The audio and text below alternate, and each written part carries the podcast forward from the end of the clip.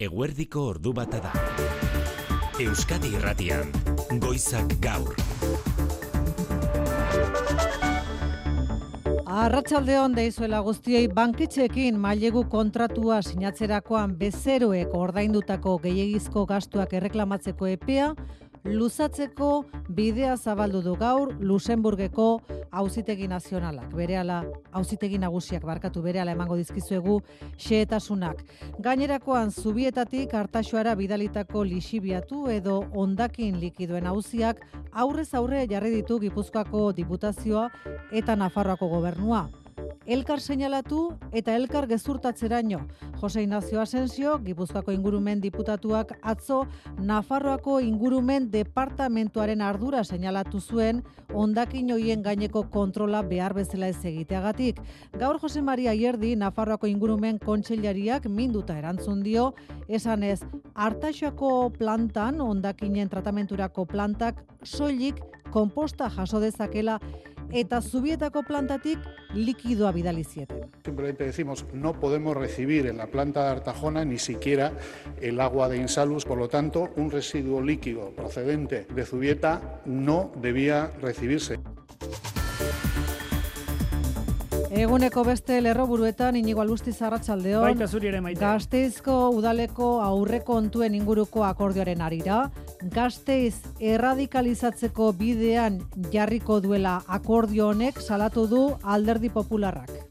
Una decisión inédita en nuestra ciudad que nos lleva a la radicalidad. En Vitoria, un cambio de rumbo radical. Maide Erretxebarria sozialista alkate izateko babestu zuen neurrian aserre salatu du gaur Ainoa Domaika zinegotzi popularrak udalak agintean diren jeltzalek eta sozialistek aurrekontuak EH Bildurekin adostu izana. Koalizio subiranistak bitartean nabarmendu du akordioaren ondorioz 6 milioi euroko hobekuntza izango dutela aurrekontuek gizarte politiketan etxe bizitzan edota klima larrialdian. Rozio Bitero EH Bilduren bozera maila gazte izan. EH Bildutik akordio positiboa lortu dugu. Herritarren bizibaldintzak hobetuko dituena eta sakoneko proiektu eta politika berriei bidea irekiko diena.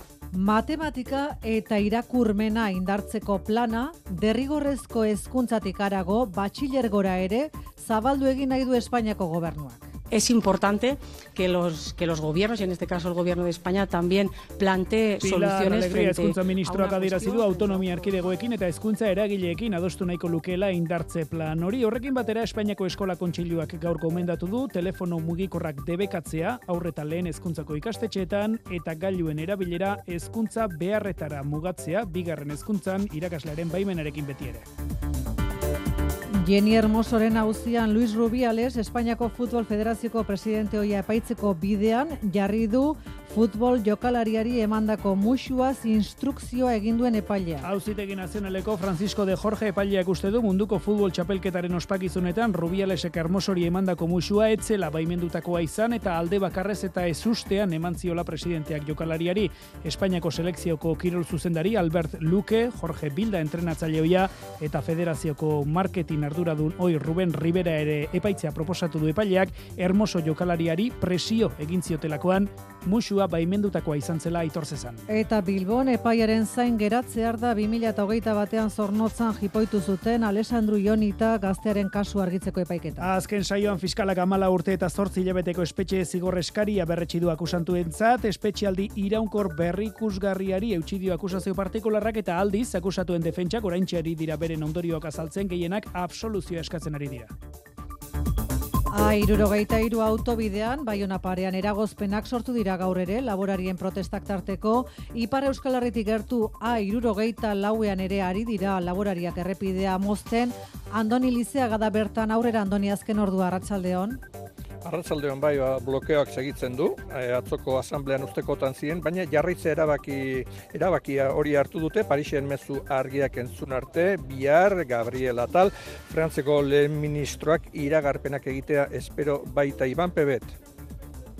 Be, gu beti uh, gure uh, galderer uh, errantzunain behagira, ordean ea biar uh, errantzunak uh, elemenan dienez, atal, atal ministroak, ikusiko.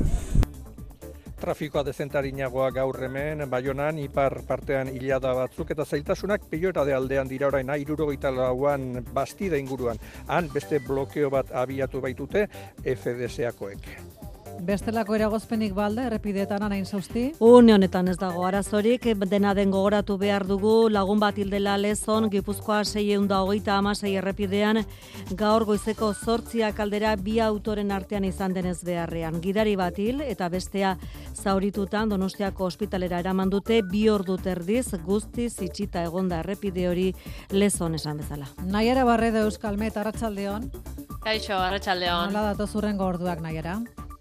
Ba, datozen orduetan kostaldetik gertu e, lanbro edo beodei batzuk ager daitezke, baina tira gainerakoan giro lasaia, eguzki izango da nagusi, eta izari daukionez iparmende baldetik joko du, eta era horretan elitekena da gaur temperatura ipar partean, ba, atzo bezain beste ez igotzea. Hala ere, amasei, amazazpi graduak gaindituko dira lurralde osoan. Eta horrela bihar ere? Bai, hori da antzera, eh? Biarragian odei gehiago, baina tira, gehien bat erdi mailako deiak eta goio deiak izango dira, beraz giroa nahiko argia izango da. Kostaldean bai, litekena da beo deiak agertzea, trinkoagoak, baina hala ere esan bezala e, antzera jarraituko dugu eta temperaturan ere aldaketa hondirik ez, eh? Agian maksimoak pitin bat jaiz lidezke, baina tira, printzipioz, bai iparraldean, bai egoaldean, amasai, amazazpi graduren bueltan geldituko gara. Eskarek asko nahiara bihar arte. Bihar arte gur. Jose Maria Paula Zarratxaldeo. Arratxaldeo, maite. Bihar ordu honetan ez alda zozketa. Bai, hasi egingo da. Baina emaitza euskalo noiz jakingo dugun ze taldeen aurkezpena, elkarrizketak eta abar ibiltzen dira, baina bai, bihar arratsaldeko ordu batean da. Zozketa Espainiako futbol kopa zari gara, gizonezkoen kopa, Euskal Herriko bi talde bertan izango dituko. Mende honetan laugarren aldiz izango da hori. Eta duela lau urte gertatu moduan, Reala eta Atletik sartu dira final aurrekoetan. Bart eromena izan da Samamesan partida bakarrera, atletik berriz ere irugarren aldiz jarraian Bartzelona luzapenean menderatzeko gauza izan delako. Momentuz, beraz, bai estatuta daude bi euskal taldeak, Mallorca, Eta orain laugarrena falta da, Atletico Madrid Sevilla, garailea, orko garailea ere bihar bomboan. Azken aurrekoak otxailak zazpi eta hogeita zortzian, joan etorreko kanporak eta da, eta finala apirilaren zeian, itzulia bukatzearekin batera, aste santu eta bar, Sevillan izango da, apirilaren zeian diogun bezala. Eta tenisian momentu honetan Australiara begira gara, emakumezkoen finala finkatzear da, Arina Zabalenka sartu da finalean, eta momentu honetan lehen zeta irabazita zein txinatarra Janstrenska Ukrainararen kontra. Gauza bat, Jose Maria, apirilaren zeiko final horri begira. Oso litekena da, bi euskal, bueno, oso litekena. Litekena da, bi euskal bietako talde, bat izatea, edo bietako edo biak bat, izatea. biak izatea, edo gutxinez bietako bat, ez? Alaxe bietako da. bat oso litekena, ez? Jose? Elkarren kontrako final aurreko agertuko balitz, ez da zalantzarik, orduan bat, Euskal Herriko talde izango litzateke, eta bakoitza bere aldetik joan da ere, ba ezin da esan. Atletico Madrid, Sevilla, partidako garailaren kontra, eta Mallorcaren kontra, favorito izango ez liratekeenik. Hemen kantxaren eragina eta bestera bateko izango da, bigaren partida etxean jokatzea komeni, hori da behar bat eskatuko luketena, baina aipatu ditugun talde hori baino gutxiago ez dira. Argi dagoena da, bihar biak izango direla zozketa. Bihar biak zozketan, hasi ordu batean, baina diogun bezala emaitza gero beranduxago jakingo da. Ordu bitardietan kultur leioa, kulturan e, urteurren borobila izango du aurten de feria, arte estenikoen donostiako jaialdiak hogeita mar urte manu etxe sortu. Bai, kaixo maite, antzerkia, dantza, zirkua, urtero arte estenikoen eskaintza zabala ekartzen du deferia jaialdiak eta gainera estrenaldiak ugari.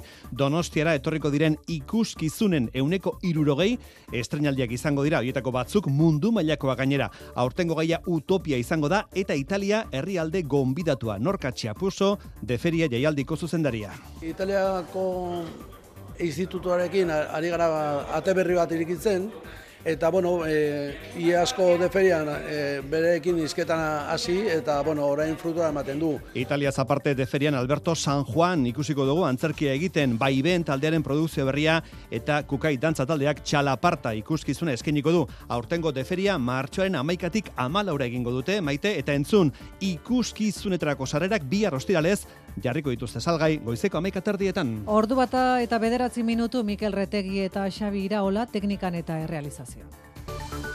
Euskadi Irratian. Goizak gaur. Maite Artola.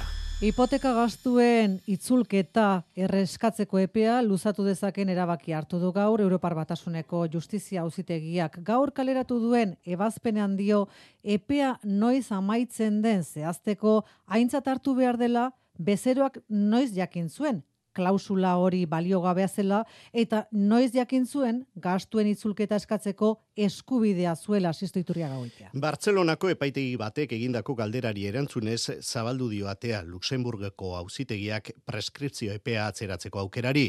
Kataluniako kode zibilen jasotzen den 10 urteko epea Espainiako kodean bost urtekoa da, noiz hasten zen zehazteko, noiz hasten den zehazteko eskatu zion epailak Europar batasuneko auzitegiari.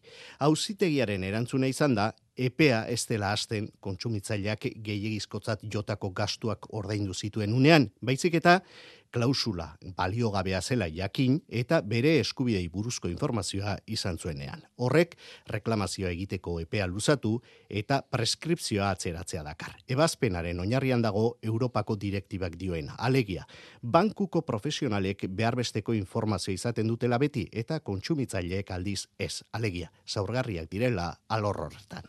Sánchez presidenteak eta Pilar Alegria hezkuntza ministroak argi utzi dute ez dutela estatu mailako lege gisa planteatuko, baina posible ikusten dute egia esan erkidegoekin konsensua onoko bigaien inguruan. Batetik, pisa emaitza kaskarre buelta emateko, irakur ulermena eta matematiken errefortzua batxilergoan ere sartzeko plana. Eta horrekin batera, LH nezezik DBH-ko ziklo osoan, mugikorren erabilera debekatzeko proposamena egingo zai erkidegoei irakasleak erabilera baimentzen duten kasuak salbu. Mikel Arregi Arratsaldeon. Kaixo Arratsaldeon Espainiako gobernuak garrantzi handia emana izan dio gaur goizez estatuko eskola kontseiluarekin egin duen bilerari Pedro Sánchez bera bertan izan da Pilar Alegria hezkuntza ministroarekin batera eskola kontseiluak ikastetxeetan mugikorrak debekatzeko proposamena egin du eta Alegriari oso ondo iruditu zaio. Lo importante es que no se utilice el teléfono móvil. Lo importante es que no se haga uso del teléfono móvil en horario lectivo. Lehen eskuntzan mugikkorra guztiz debekatzea proposatu dute ikaslea gaixorik ez bada behintzat edo bestelako familia arrazoi larriak ez dituen bitartean. Bigarren eskuntzan aldiz, ikasleek mugikorra klasera eraman izango dute bai, baina ikastetxera sartzen diren momentutik, itzalita eraman da, baita atxeden aldian eta bazkal orduan ere. Mugikorrez gain gaurko bileran, gobernuak ikasleen irakur gaitasuna eta matematika trebakuntzako betzeko planaz ere hitz egin du, es importante que los, que los gobiernos, y en este caso el gobierno de España, también plantee soluciones... Pilar Alegriak dio garrantzitsua dela pisa txostenak emandato, emandako datu kezkagarriei erantzuna ematea. Horregatik irakur gaitasunak eta matematika trebakuntza hobetzeko plana lehen eta bigarren hezkuntzan eta batxillergoan martxan jarriko da. Honek esan nahi du, ikaslei arreta pertsonalagoa emango zaiela, ikasgai hauei baliabide gehiago eskainiko zaizkiela eta eskolaz kanpoko ekintzetarako diru laguntzak eskainiko direla. Mugikorren erabileraren inguruan Jaurlaritzako hezkuntza saila gogoratu digu duela gutxi aurkeztu duela Euskadiko ikastetxeetan mugikorren erabilera arautzeko beharra, baina ez duela Euskadik berez ezer debekatu nahi. Hezkuntza sailaren iturrietatik esan digute ikastetxe bakoitzak aurkeztu beharko duela urte amaitu baino lehen haien ikastetxean mugikorraren erabilera arautuko duen protokoloa. Goizak gaur.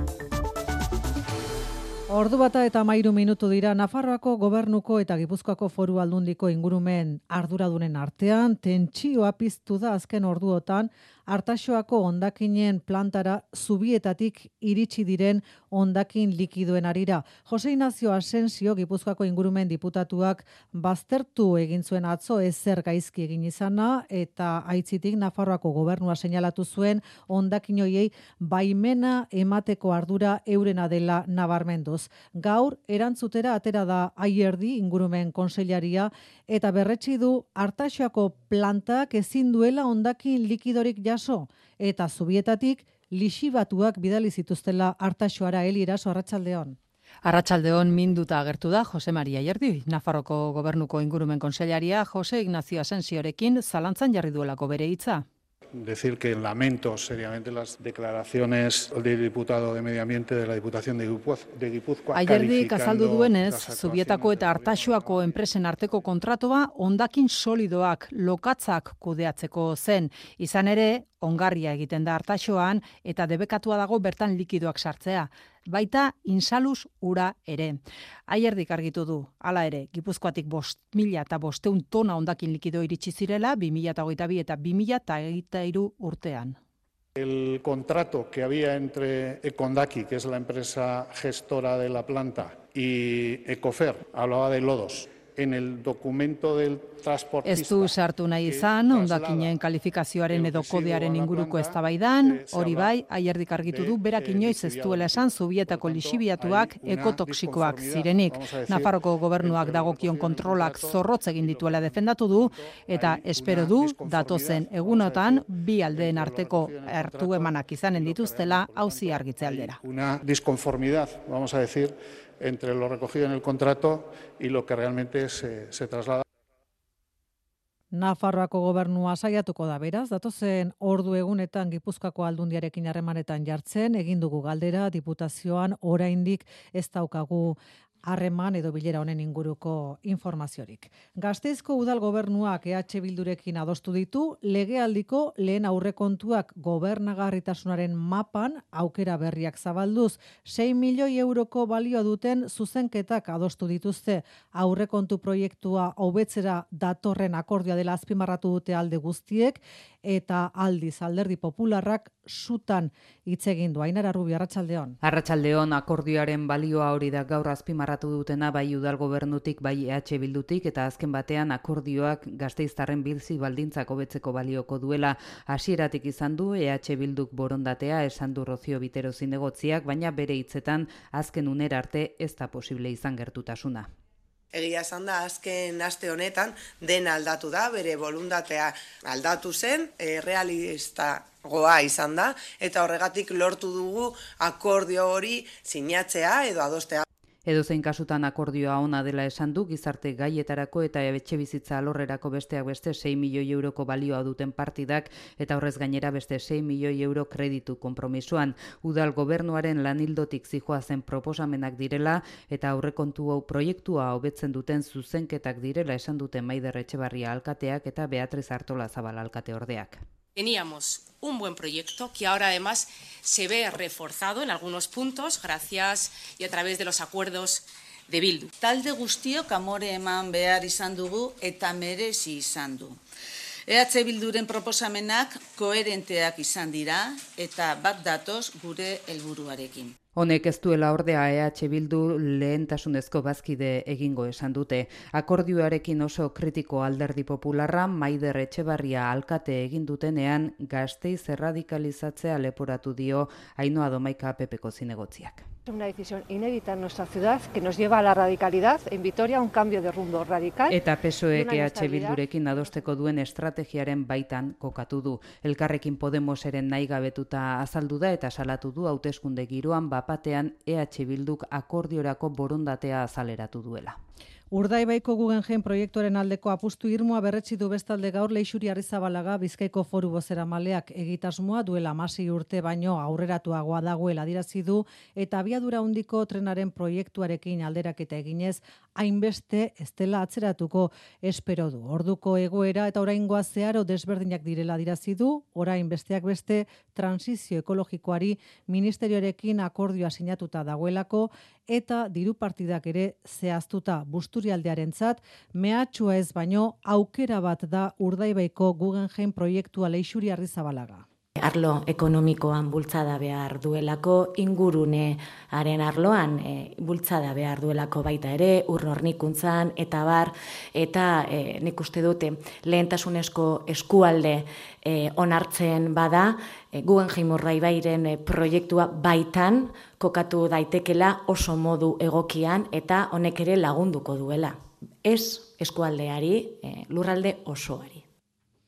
Elkarrekin bairen izenean bere hautagaitza aurkeztu du gaur miren gorrotxategik durangon. Sumarra aipatu gabe sumarri erantzunkizunez jokatzeko eskatzen dio Podemosek legebiltzarreko hauteskundetara elkarrekin joateko modua egin dezaten. Sumarrek ordea, gorrotxatik ez dela konsensuzko hautagaia nabarmendu du urtzi gartzi arratsaldeon.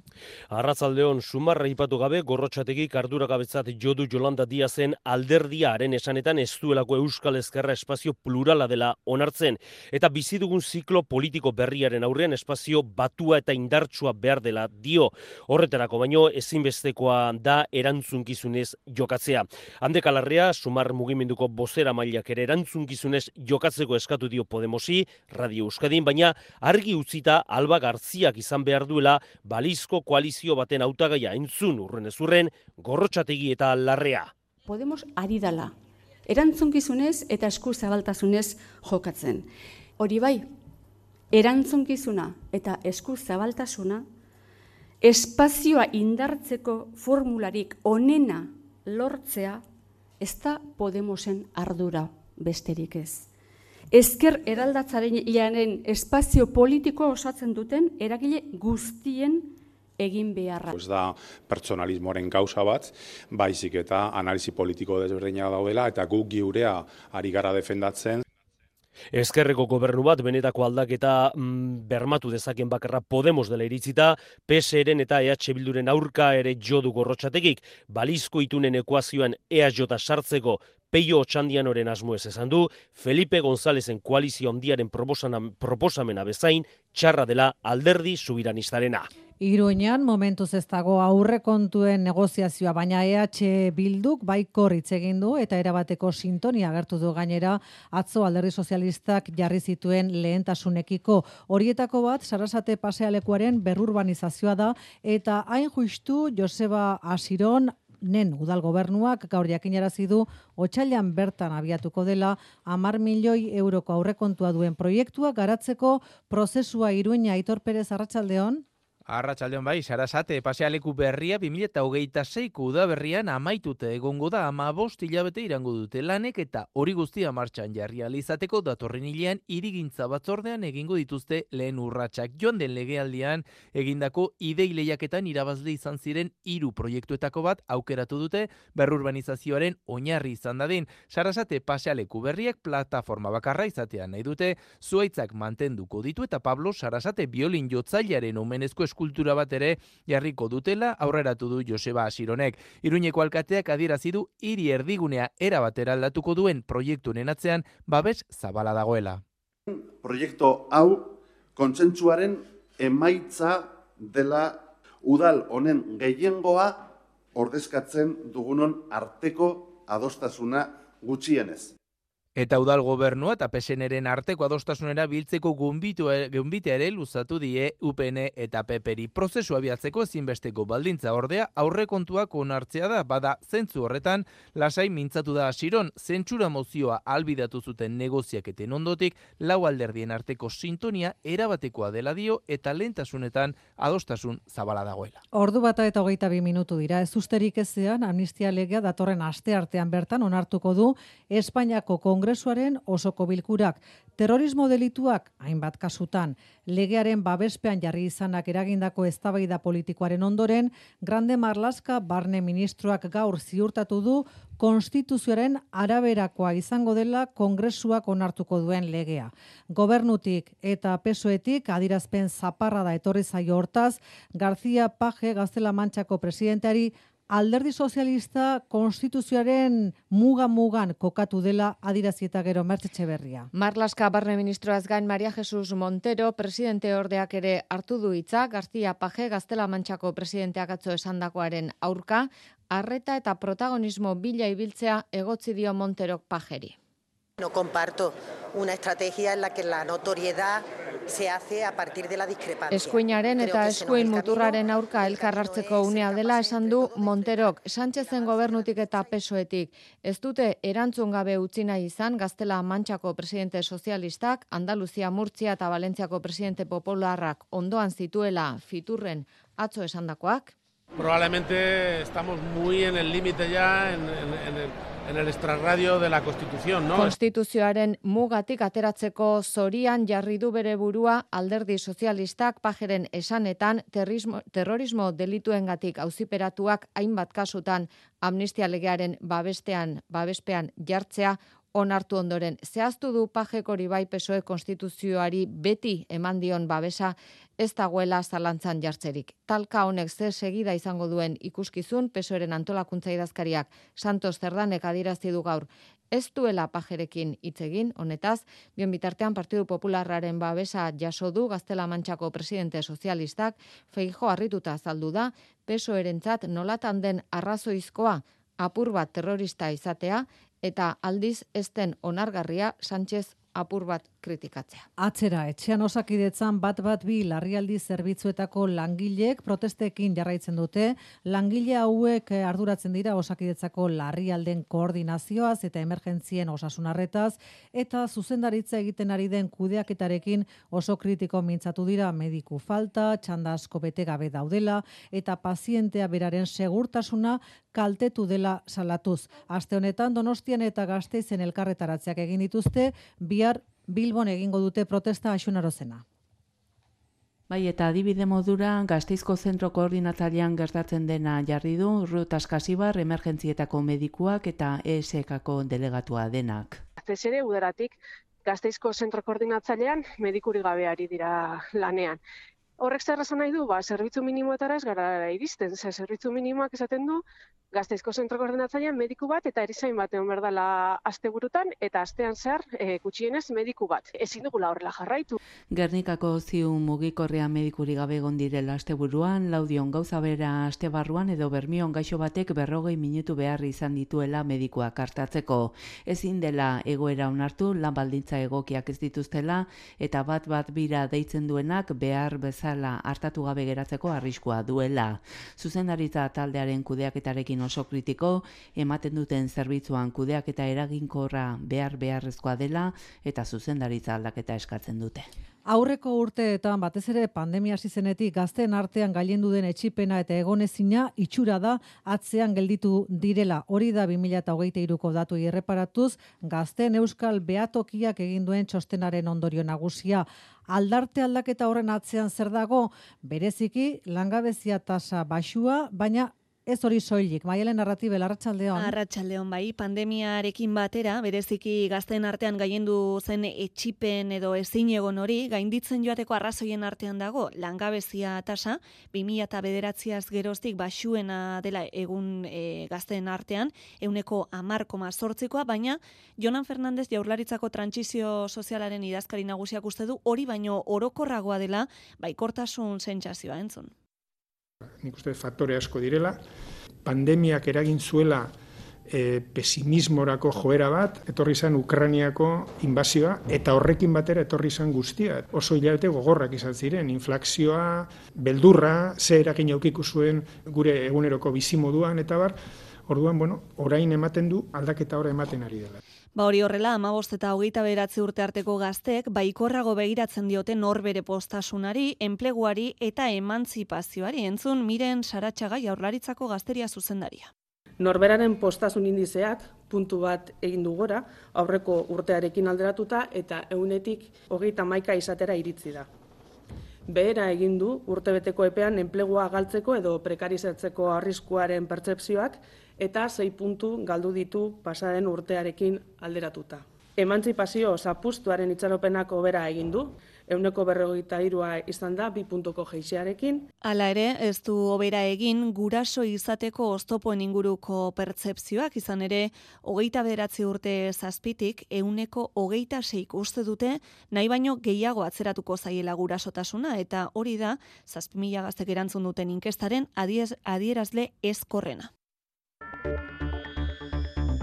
Donostiako udalbatzan ez da baida eragindu la sirena aterpetxaren irekiera udel gobernuak atzera bota du EH Bilduren eta Podemosen eskaera alegia aterpetxean negu osoan zabalik egotea eta ez soilik zeropeko temperaturak iragarrita daudenean. Donostiak alor honetan egiten duen alegina defendatu du alkateak inguruko beste herri batzuekin alderatuta Xabier Urteaga.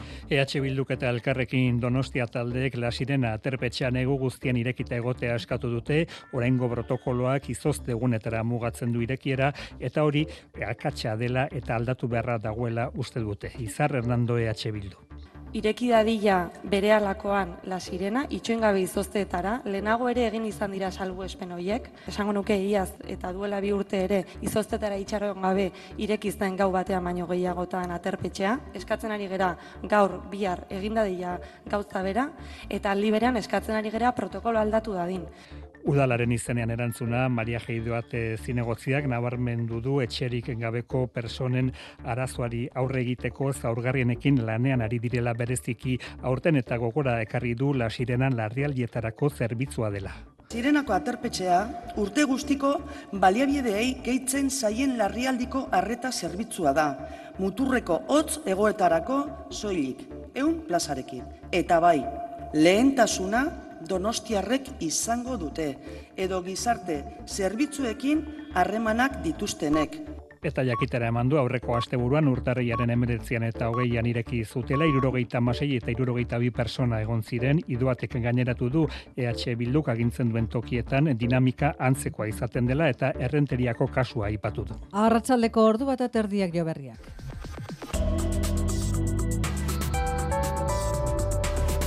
Euskadi Irratian eguraldia eta trafikoa. Errepidezaren nagusitik hasita Luis Eron Arratsaldeon. Arratsaldeon eragozpen bakarra uneotan segurtasun sailaren arabera Bizkaia 6 bi bost errepidean arrankudiagan Bilbora bidean auto bat matxuratuta dago herri batean trafikorako traba eginez. Eguraldiaren pronostikoa Euskalmeten eskutik. Datozen orduetan kostaldetik gertu lanbro edo beodei batzuk agertuko dira, baina gainerakoan eguzki izango da nagusi. Ipar mendebaldeko aize ibiliko da eta gaur temperatura ipar partean agian ez da atzo bezain beste igoko. Hala ere, amasai amazazpi graduak gaindituko dira lurralde osoan. Beraz, oraindik ere balioneko epelak neurtuko dira eta odei batzuk salbu oroar eguzkitzu egongo da.